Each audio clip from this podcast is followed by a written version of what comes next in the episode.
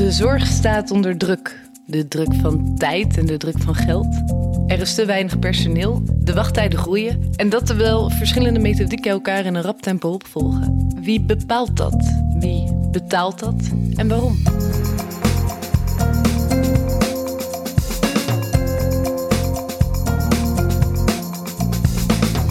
Mijn naam is Sam Spiering en je luistert naar Hart voor Zorg.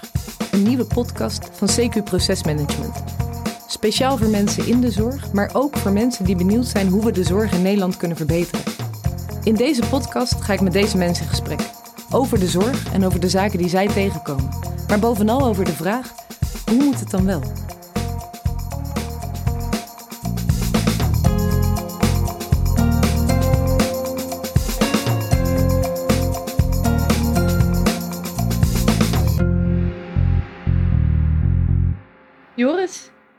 Zoals ik al zei, dankjewel voor je tijd. Voor mij de derde keer op dit moment in het eh, UMC Utrecht. Je hebt eh, interessante collega's, denk ik, hier zo op het UMC. Dankjewel. Jij bent zelf ehm, hoofd medisch, medische technologie hier.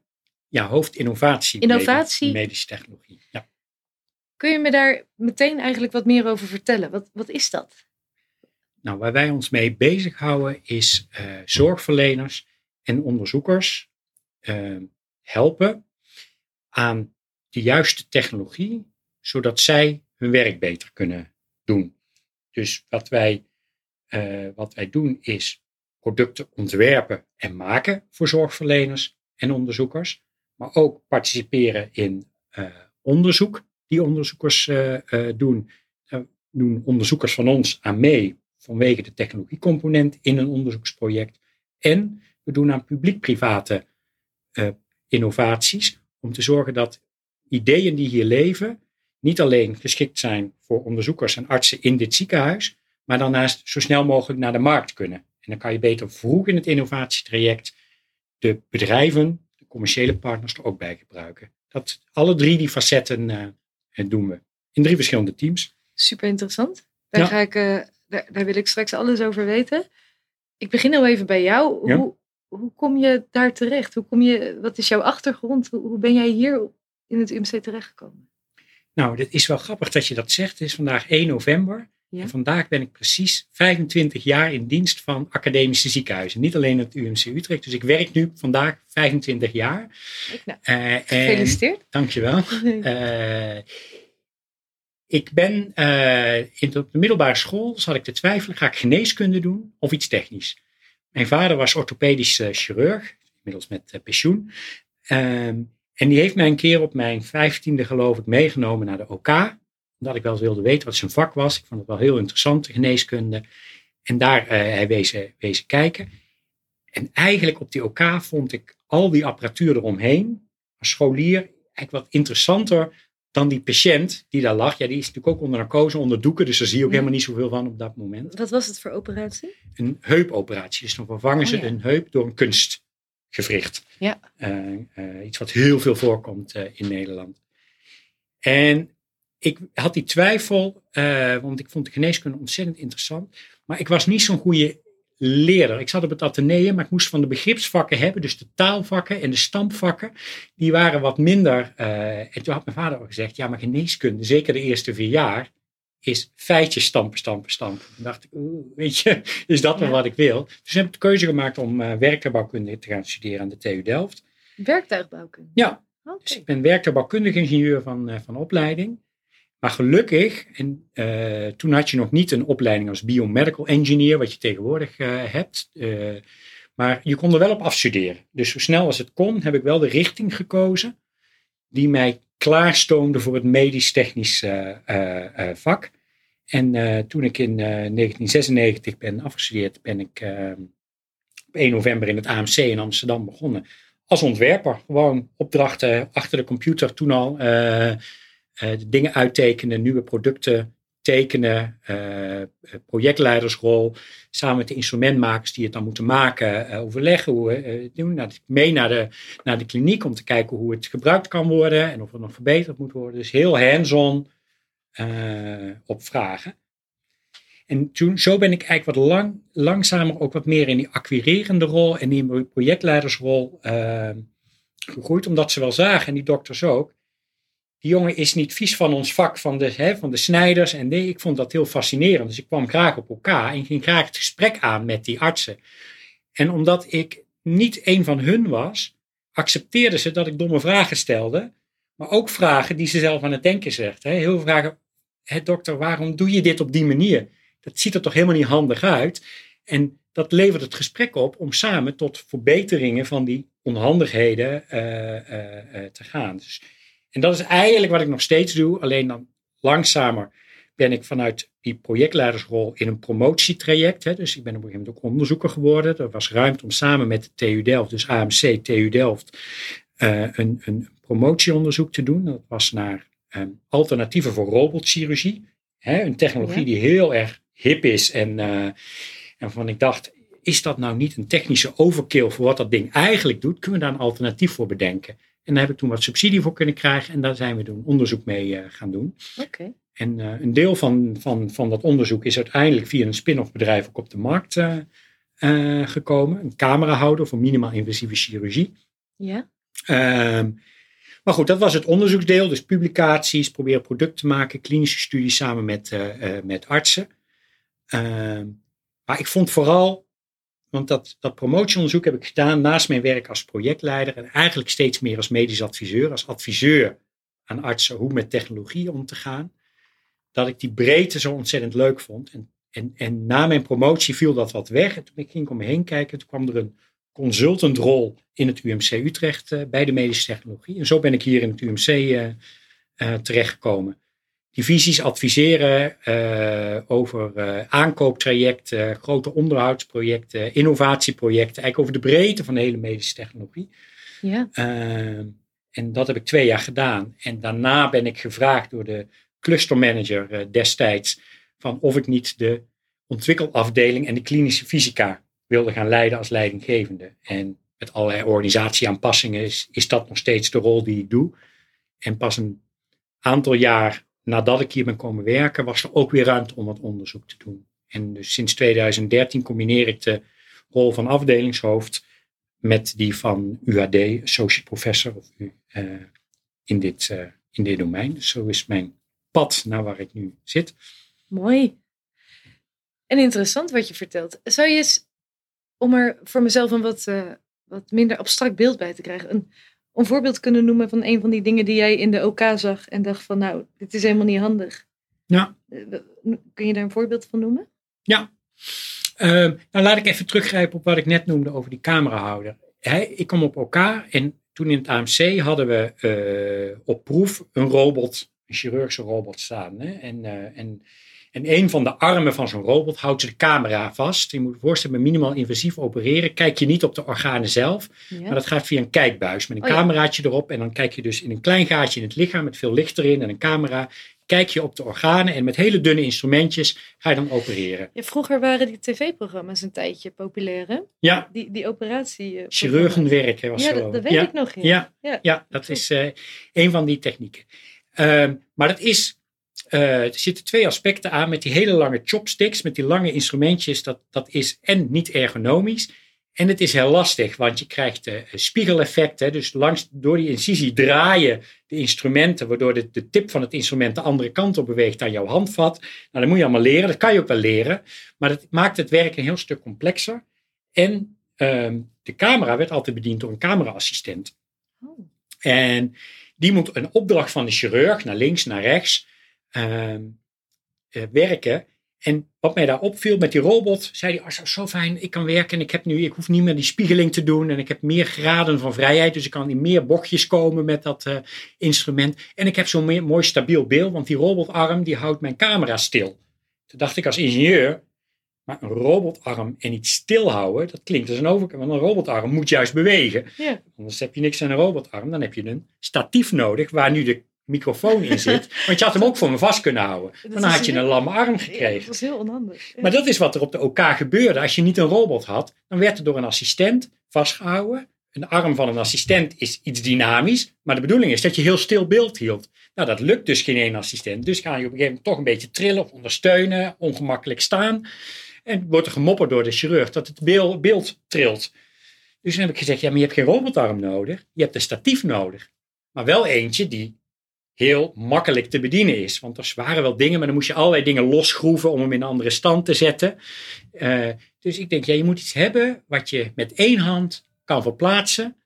En dat hij weer stil blijft staan en dat hij dan uh, uh, bevriest. Dus dat hij kan bewegen, in het Engels move, en dat je hem kan fixeren, fix. Dus we hadden het ding gedoopt, de MoveX. Uh, en, en zo heet het product ook wat je nu in de markt kan kopen een makkelijk door de chirurg of een assistent met één hand te bedienen camerahouder die een heel stabiel beeld geeft, maar heel makkelijk in een andere stand te plaatsen is. Dat is een spin-off, terwijl we natuurlijk bezig waren met kijken, kunnen we dat hele deel van die robot uh, vervangen? Ja. Dat, hè, dat, dat waren we ook aan het doen. We hebben ook gedacht, ja, die robot, wat hij eigenlijk doet, is die beweging van die hand vertalen naar, naar, een, naar een beweging in, van het instrument in de buik. En daar zetten ze een enorme robottechnologie uh, uh, omheen, waar je nou vandaag de dag 1,8 miljoen euro voor mag neertellen voor zo'n robot. Zo. dacht ja, maar dat kan ook simpeler. Kunnen we daar een mechanisme tussen plaatsen? Dus iets fysieks, een soort parallelogrammechanisme. Ik zal de luisteraars niet belasten hoe dat dan precies werkt. maar dan heb je geen motortjes en computers nodig, maar dan kan het ook mechanisch.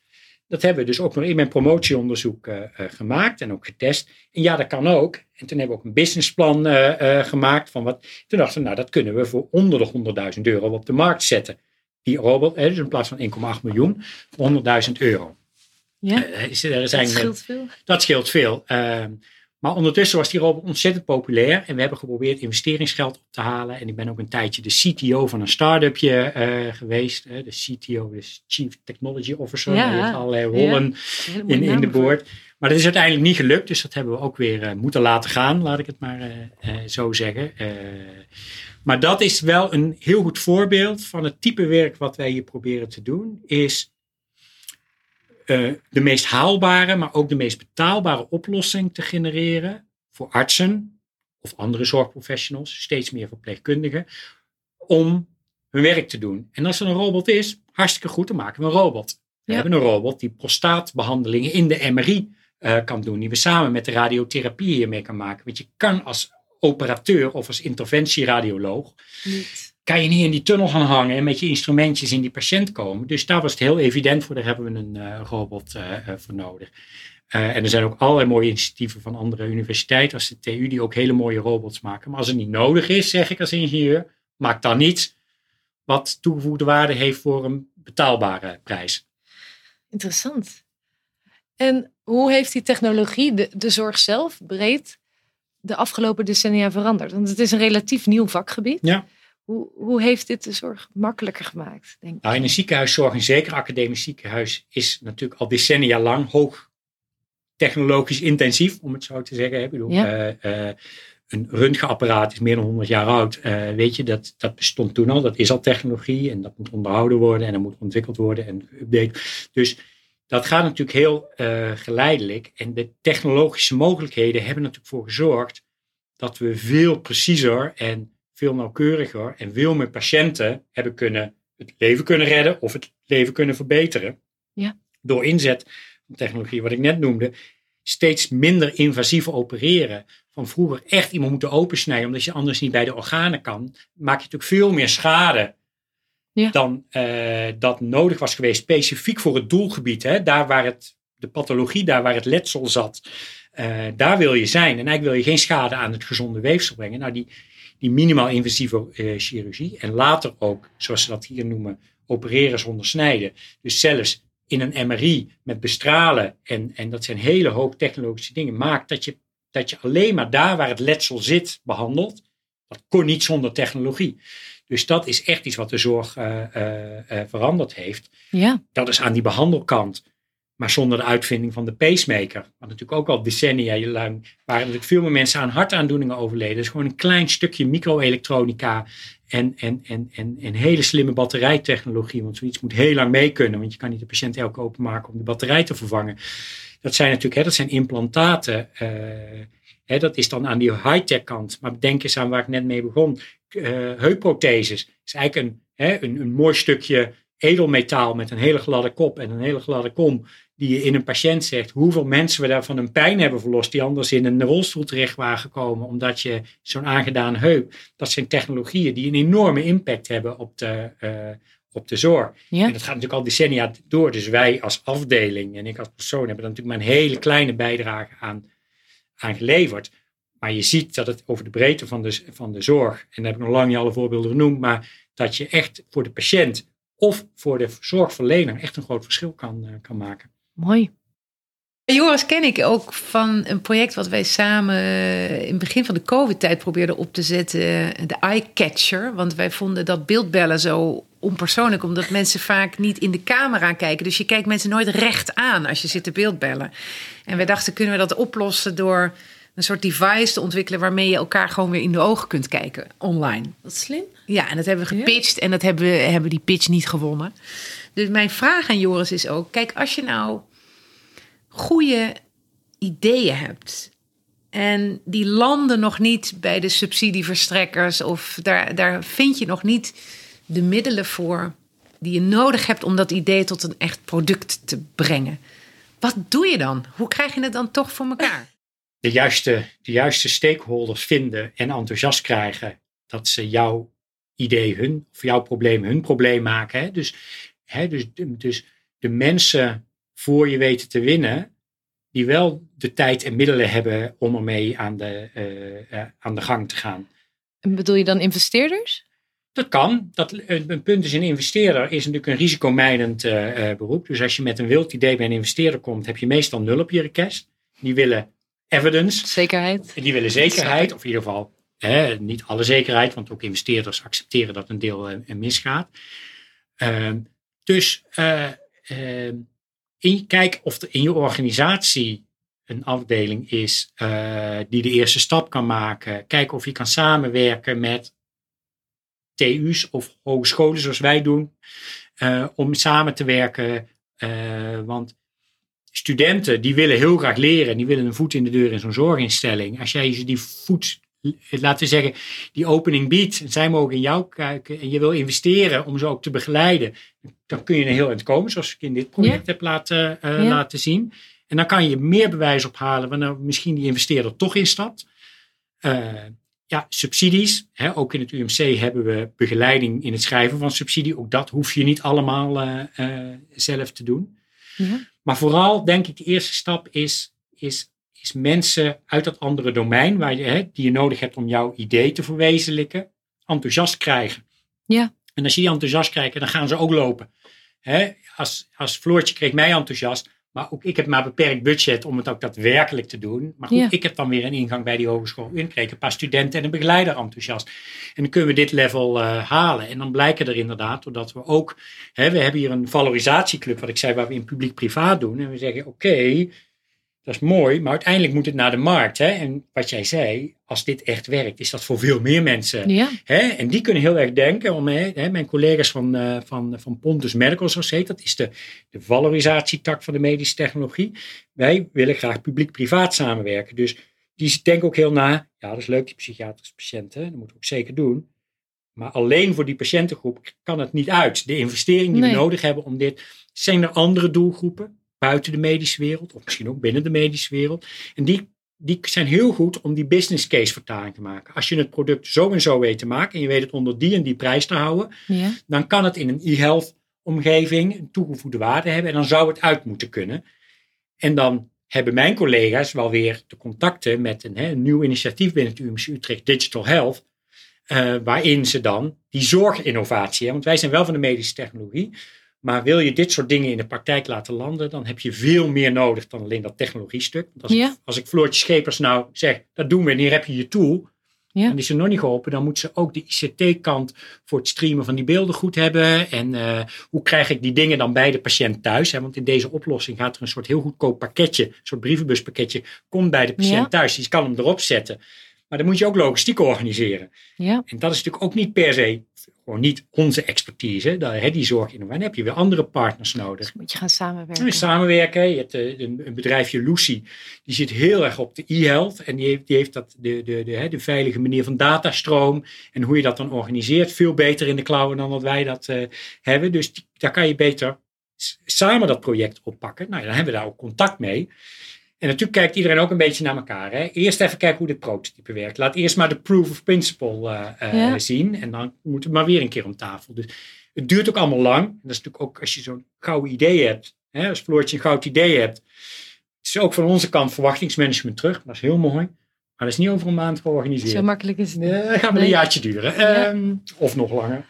En, um, want je, je had het net al over ik heb, ik heb geen idee wat de kosten zijn van de medische technologie over het algemeen. Misschien had ik mijn huiswerk wat beter moeten doen. Mhm. Maar uh, heb jij daar een inschatting van? Wat, wat zijn we in Nederland per jaar kwijt aan? Uh, ja, vind ik heel moeilijk. Kijk, we hebben, gaan, we hebben wat is het, 100 miljard uh, omzet in de totale zorg in Nederland. Ja. Daar durf ik geen uitspraak over te doen soort gouden standaard die in een ziekenhuis uh, wereldwijd is over je medische apparatuur. Ongeveer 5% van de totale, uh, goed, 5% van, een miljard, van 100 miljard is nog steeds heel veel geld. Maar, uh, um, maar dat vind ik heel, ik zit niet zo, zo goed in die economische nee. cijfers. Maar het, het, het, gaat hier over tientallen miljoenen euro's aan geïnvesteerd vermogen, zoals dat heet, aan medische ja. technologie. En, en merk je daarin, want ik kwam vorige week was ik bij, bij Floortje langs en toen waren ze aan het protesteren over de, Mhm. de zorg en de CAO. Uh, want op heel veel gebieden heerst er een, een tekort, in wat voor Ja. vorm dan ook. Uh, op Ja. het gebied van tijd, op het gebied van personeel en van geld. Merk je dat binnen de medische technologie? Ehm, nou, dat er wat heel lastig is, is ehm, om over de schuttingen heen te denken. Hè? Ehm, bijvoorbeeld, hè, dat zie ik inderdaad en met leden ook, eh, eh, eh, ehm, zie, ik het, zie ik het aan. Hè? Wij zijn onze IC-verpleegkundigen en zeker in de coronatijd heel veel van onze verpleegkundigen aan het overbelasten. Ja. En we hebben hartstikke veel vacatures en die krijgen we niet ingevuld. Hè? Want we zouden een van de problemen, die IC, wij kunnen zo die apparatuur aanleveren. En ik denk dat het ziekenhuis ook de budgetten wel wil vrijmaken om beademings- en bewakingsapparatuur te kopen. Hebben we volgens mij in het begin van de coronatijd zijn we gaan hamsteren. hè. Dus hebben we overal, Ja. we hebben een beetje te veel Ja. geloof ik nu weer staan. De, mensen is het probleem. En wat ik dan interessant vind, hè, wat maakt nou het vak van een zorgprofessional of een verpleegkundige zo leuk? Hè? Want salaris is één ding en ik denk dat die mensen echt wel wat meer mogen verdienen. Dat vind ik heel moeilijk om dan, wat dan? Hè? Maar ehm, wat maakt hun werk zo waardevol? En laten we dat doen. Maar wat is corvée, ballast? En wat kunnen we met technologie uit handen nemen? En ja, dat kost ook wel geld. Maar als dat geld is waardoor je met minder mensen toch die zorg kan leveren, omdat ze zich kunnen focussen dat waarvoor ze echt zijn, Waar ze energie van waar krijgen. ze energie van Ja. krijgen, dan kunnen ze misschien wel een patiëntje meer doen. Want in de coronatijd kregen ze natuurlijk gewoon patiënten erbij. Ja, het moet. Hè? Eh, maar als je dat met dezelfde middelen moet doen, ja, dan leef je jezelf uit. Maar als je dan zegt, nou weet je, wij dokter, hè, dus ziekenhuismanagement, eh, eh, dat wil ik best doen. Maar op dit moment zijn wij 30% kwijt aan administratie en registratie. De welbekende dooddoener, hè? De Ja, eh, Ja. Als je dat nog onder de 10% krijgt, wil ik er die patiënt wel bij doen. Hè? Dan weet ik niet of ze zo denken, maar dat soort gesprekken zou je eigenlijk moeten hebben. Hè? Want dat vind ik ontzettend interessant om dan te kijken, wat maakt nou dat ze daar al die tijd aan eh, eh, zijn gaan spenderen. En daar hebben we ook, hebben we, als ik een voorbeeld mag noemen. Ja, wat, wat, wat kan de medische, dat wou ik Ja, net vragen. Een wat van de wat dingen kan je op bijdragen? hebben, hebben ingezet is, eh, ehm, historisch en klassiek zie je dat verpleegkundigen, en dan heb ik het even niet over de IC, want daar staan al die apparaten aan een soort database gekoppeld. Mhm. Maar op de, op de verpleegafdeling moeten ze eh, controlerondjes lopen. Ik zeg het heel plat als ingenieur misschien zeggen. Ja, ja. Maar eh, dan wordt de bloeddruk gemeten, saturatie, eh, nog een aantal andere aspecten, ehm, pijnscores. eh. en daar is apparatuur voor nodig. Dus je hebt een bloeddrukmeter en een saturatiemeter. Dus je komt met een soort paal op wieltjes, kom je bij de patiënt en dan dit. En dan heb je ondertussen even een babbeltje. En in dat babbeltje zie je natuurlijk ook al de hele klinische eh, blik. En vervolgens zetten ze die meting op. En die worden heel vaak op een briefje geschreven. En dat doen ze de hele dag door. Dan hebben ze werkbriefjes in een borstzakje van een, eh, van een jasje Ja. zitten.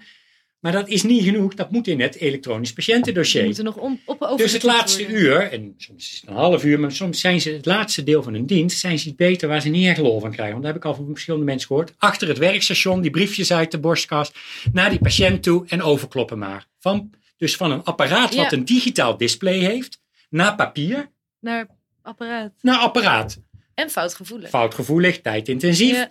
Niet echt energiegevend. Eh, eh, dus wat hebben wij eh, gedaan? En gelukkig heeft de industrie met ons meegedacht. Want uiteindelijk hebben we het kunnen kopen, en zijn we nu aan het piloten en waarschijnlijk en ook wel echt aan het uitrollen, is een digitaal display met een connectie met het EPD. Daar komen de waardes op het display van de bloeddrukmeter. Daar komen ook de andere waardes op, op binnen. En daarmee scan je ook in de scanner bij. Je scant het polsbandje of in ieder geval je, de, dat, de patiënt, uh, dat je de juiste patiënt dan hebt gekoppeld. Want op dat briefje doe je dat in je hoofd en heb je later tik je dat nummer over en dan heb je die connectie gemaakt. Maar als je technisch doet, dan moet je dat dus ook organiseren. Dan is alles bij elkaar en dan staat alle gegevens staat er op het display van het apparaat. Dus het is nog steeds in die eerste digitale versie. Druk je op de verstuurknop. Dan gaat het naar het EPD. En heel belangrijk, want zij zijn verantwoordelijk. En geeft het EPD ook weer terug aan het apparaat. Ja, het staat op de juiste plek in het EPD. Hoef je dus niet meer die briefjes hoef niet meer te schrijven. Eerste fout, niet meer overtikken. Tweede fout. En die tijd. Hè, ik weet niet hoeveel eh, minuten het opwinst, maar ik denk dat het in ieder geval minder frustrerend is. Ja. En dat gaat in ieder geval helpen aan het naar beneden brengen van die 30%. Oh, mooi. En een deel van die 30% weet ik eigenlijk ook niet, want heel veel wordt dubbel gedaan. Hè? Dan moeten ze heel veel dingen dubbel doen die een andere collega of een andere arts van een andere afdeling. Dus daar proberen we nu met onze ICT-afdeling, niet we, de ICT-afdeling is te proberen weer invloed op uit te oefenen. Ook dingen dat het maar één keer hoeft worden ingevoerd Ja. en dat het dan door anderen. Maar goed, dat is niet medische technologie, maar dat is wel technologie. Ja. Eh, maar dat soort, dat soort voorbeelden proberen we aan, eh, eh, aan te werken. Prachtig. Ik heb, mag ik nog één voorbeeld noemen? Ja? Ontzettend leuk is als je het over eh, ehm, technologie hebt. We waren in een Europese subsidie, zijn we betrokken bij het ontwikkelen en testen. Vooral wij hebben de, de veiligheidskant gedaan en zorgen dat de, de, de klinisch onderzoek van een wearable die vitale parameters meten in een verpleegafdeling. Met als doel Moet je even toelichten wat vitale, voor de nou, luisteraars, eh, ademhaling, hartslag, temperatuur. Ja. Eh, eh, de- het zijn belangrijke dingen die je constant wil meten van een, van een patiënt. Dat is diezelfde hebt, van die meetcard die we dan bij. Ja, op een alles wat je intensive nodig care- hebt om ja. in leven te blijven. Ja. Zeg maar. ja. Dus op het intensive care wordt dat permanent gemeten. Ja. En als dat instabiel is en er is wat risico, dan hou je ze op de intensive care. Ja. Dat is hartstikke duur en tijdsintensief. Maar op een gegeven moment, als je die continue meting zou kunnen doen, dan kan je zo'n patiënt misschien ook wel naar een, een, een, een gewone verpleegafdeling of een medium care krijgen. En misschien zelfs naar de thuissituatie. Ja. Als het eigenlijk wel goed gaat, maar je wil ze toch in de gaten houden. Ehm, dus, en het idee is, dat doe je met een wearable. Je geeft ze een plakker mee die dat kan meten. En die dan periodiek via een smart device, eh, smartphone, die gegevens eh, terugstuurt. Slimme technologie erachter, dat als het buiten bandbreedte gaat, dat er vanzelf een alarmpje komt. Dat je patiënt zegt, kom je helemaal weer terug naar het ziekenhuis. Want volgens mij, eh, of Ja? Nou, dat is een heel groot onderzoeksproject eh, geweest. Toen kwam corona. Met isolatieboxen en meetrondes. Maar vooral bloedsaturatie is iets wat bij een coronapatiënt heel snel achteruit eh, eh, Ja. kan gaan. Ehm, dus moest je vaak rondjes lopen, heel arbeidsintensief. Dus wat hebben we toen gedaan? Ze, en daar hebben we een kleine rol in gespeeld, maar ze hebben die wearables gewoon op de verpleegafdeling gebruikt. En ze hebben studenten geneeskunde die dingen laten uitlezen. Op de centraalpost werden dus continu werden dus patiënten met wearables eh, eh, eh, gemeten. Ja. Studenten hielden het in de gaten en die alarmeerden een verpleegkundige als het buiten bandbreedte kwam, zodat die verpleegkundige gericht naar een patiënt hoeft te gaan en niet langs al die patiënten vier, vijf keer per dag om die meetrondes te doen, zodat ze die patiënten die gewoon hè, die parameters goed bleven, niet zo frequent gemeten hoeven te worden. Oh, en, en dat is ook in een soort, geloof ik, eh, ehm, ben COVID at home heet het geloof ik. Op een gegeven moment hebben we dat ook bij patiënten die we ontslagen. Want een van de problemen in die zorg is natuurlijk al die mensen die onze bedden bezetten. Ja. En dus de, hè, de uitgestelde zorg. Mensen kunnen, andere ziektes konden niet meer behandeld worden. Dus wat als we een coronapatiënt die langzaam wat aan het herstellen is en je eigenlijk nog niet meer ontslaan. Met zo'n wearable naar huis. Eventueel met wat stuurstofondersteuning daarbij in de thuissituatie. Ja. Hebben we weer een bed vrij voor of een andere coronapatiënt. Of een keer eindelijk die inhaalzorg. eh, Ja? dus dat is dat je zag dat de corona, zo'n technologie die we eigenlijk nog onderzoeksmatig aan het uitzoeken waren, gewoon hebben toegepast. Opeens een boost kreeg. Ja. Ja. en dan moet je natuurlijk veilig doen. Daar hebben we dan een rol bij om, om welke condities dan en hoe dan. En, Ja. eh, ja maar dat zijn. En daarop volgend, eh, Joris, en dan een beetje vrij Mhm. filosoferend. Daar zit ik eigenlijk het hele, je, kan dol enthousiast vertellen over je vak. Maar ik zit er eigenlijk dan een beetje over na te denken. Ik hoor je termen gebruiken als, als robots, als eh, de patiënt meer thuis. Hoe zit, ziet met de medische technologie in je achterhoofd de zorg over, zeg 50, 100 jaar? Zeg wat, hoe gaat die Waar, heb jij er een idee bij welke richting dat op gaat? Ja, ehm, ik vind 100 jaar wel heel ingewikkeld. om 50 over, eh, dan? ja, ik 50 vind 10 tot 50 jaar. eh, Ja. ehm, wat je nu ziet is dat we al steeds meer gaan meten thuis. Ja. De volgende stap is therapie. Ehm, je hebt al infuustechnologie voor thuis. Dus eh, wat ik begon met die infuuspomp, dus met medicatie toedienen thuis. De eerste chemopatiënten die niet meer naar het ziekenhuis hoeven te komen voor een chemobehandeling, die kunnen nu ook al in de thuissituatie eh, chemo krijgen. En ook andere therapieën komen langzaam.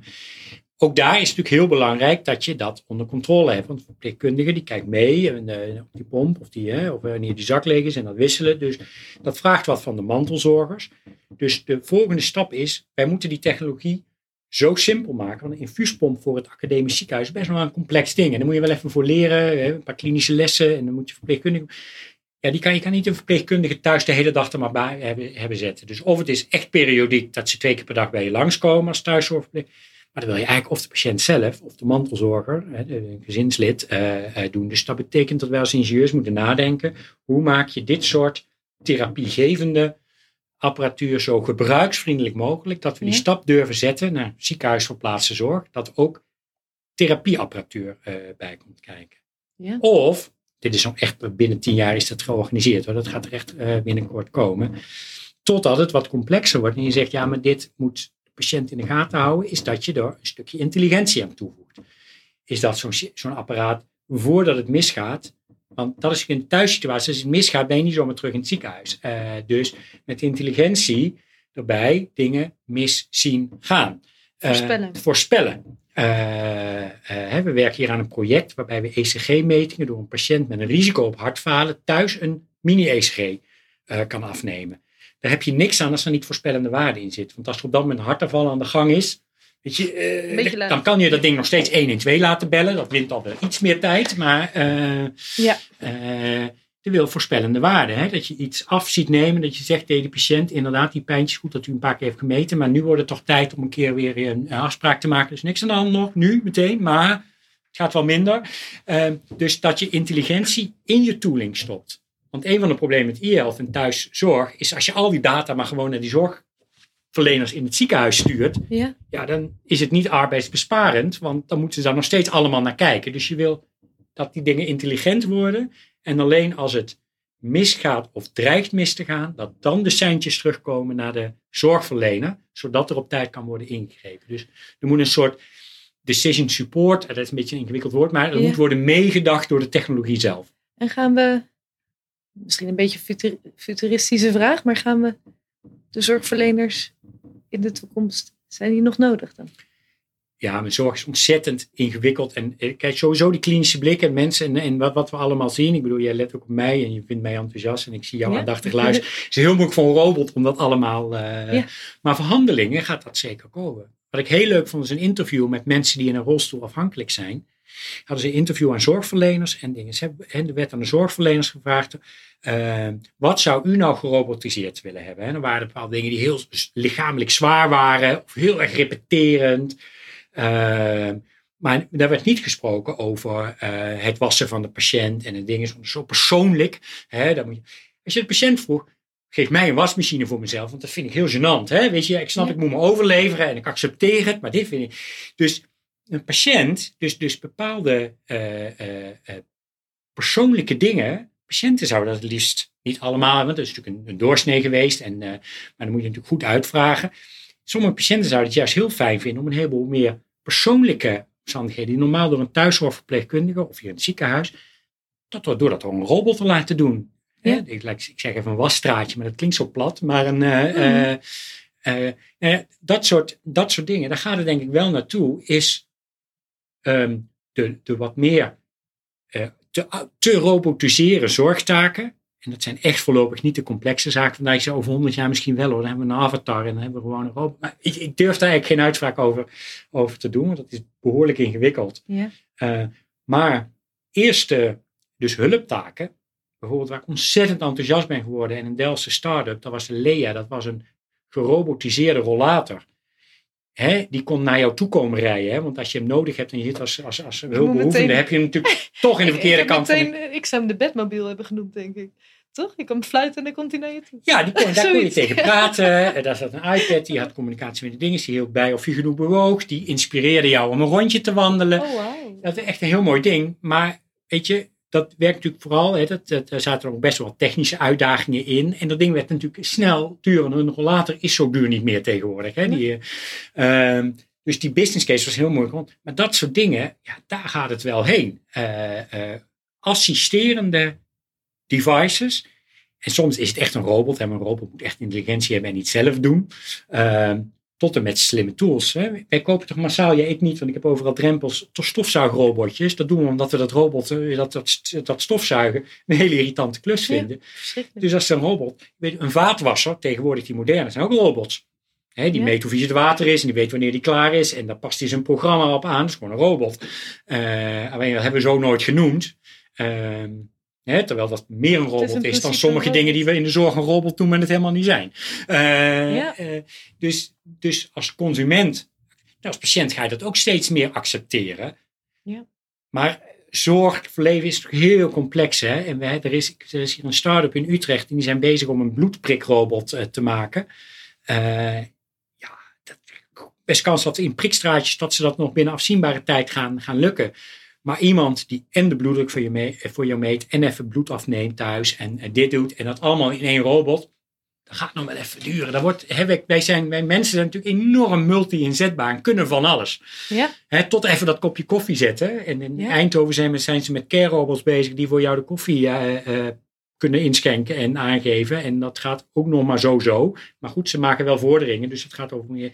Maar dan zetten en dan die poeder erin. Weet je, er zitten allemaal handelingen in die er opeens toch weer iets te complex voor zo'n dingen zijn. maar is dat ook niet, en dat vind ik een mooie, mooi om hem een beetje mee, eh, mee af te ronden. Is dat ook niet wat, wat, wat de zorg ook, dat het voor mensen fijn blijft houden dat, dat er iemand is die even een kopje koffie voor je inschenkt? Ja. Dat gaat niet om de koffie, denk ik. nee. Dat gaat Maar- om het contact. En, en dat vind ik het mooi, want dat hoor ik dat ook, ook wel eens als een kritiekpunt over het inzetten van technologie. Ja. Maar het kan elkaar ook versterken. Op het moment, hè, een initiatief van die robotstofzuiger noemde ik niet, niet uniek, maar er is een thuiszorgorganisatie die eh, zorg leverde en huishoudelijke taken deed bij de mensen eh, thuis. En wat een heel belangrijk aspect was, was dat gesprekje. En die hebben op een gegeven moment een innovatie bedacht, die namen dus naar die mensen mee een robotstofzuiger. En door die neer te zetten en die huishoudelijke taak te laten doen, konden ze in die tijd dat die robot door dat huis ging, een kopje koffie zetten en het gesprek aangaan en die klinische blik eh, doen. ging. Dus dan kan de technologie die taken die je eigenlijk als zorgverlener ook moest doen en op dat moment dus geen sociaal contact hebt, want dat moet gewoon gebeuren, konden ze eh, uitbesteden aan de technologie. En dat vind ik het mooie van de combinatie van mensenwerk en technologie. En vandaar dat ik ook altijd zeg, wat is energiegevend voor? Ga dat nou niet robotiseren of automatiseren. Nee. Want dat is wat het waarde geeft aan het vak. We gaan met de verpleegkundige en de andere zorgprofessionals in, in gesprek. Wat zou jij het liefst willen robotiseren, automatiseren, mechaniseren? Geef het een naam, innoveren. Ehm, en dat moeten wij dan doen als ingenieurs. En afblijven van het waardevolle werk van die. eh, hè, tenzij het gewoon niet meer te betalen en te handhaven is, dan moeten we ergens keuzes maken. En moeten we misschien een stap verder gaan hoor. Maar in het begin pak eerst het laaghoudend, houdend, hangend, irriterend gevend eh, eh, ta- eh, ta- taak. Ja. eh, fruit. en, en, en, en laat de waardevolle werk gewoon aan de, aan de zorgprofessionals over. Dat lijkt mij een prachtige conclusie. Dus we hoeven niet bang te zijn dat over, over tien jaar dat er geen werk meer is in de zorg. Absoluut. de mens niet. zou absoluut nog nodig blijven vanwege het menselijke aspect. Ja, zeker. Dankjewel Joris. Graag Met gedaan. een eh, prachtig, prachtig verhaal. Dank je. Vond je dit een interessant gesprek om naar te luisteren? Abonneer je dan op deze podcast via iTunes, Spotify of je eigen favoriete podcast-app, zodat je niks mist. Heb je vragen, opmerkingen of dolenthousiaste ideeën? Dan kun je een berichtje sturen naar podcast.cqp.nl. En als je enthousiast bent en toch al bezig, laat dan ook even een mooie review achter op Apple Podcast. Dan kunnen andere mensen deze podcast namelijk makkelijker vinden. Ten slotte werd de muziek en editing gedaan door de getalenteerde Erik Sterk. Dankjewel en tot ziens bij de volgende aflevering.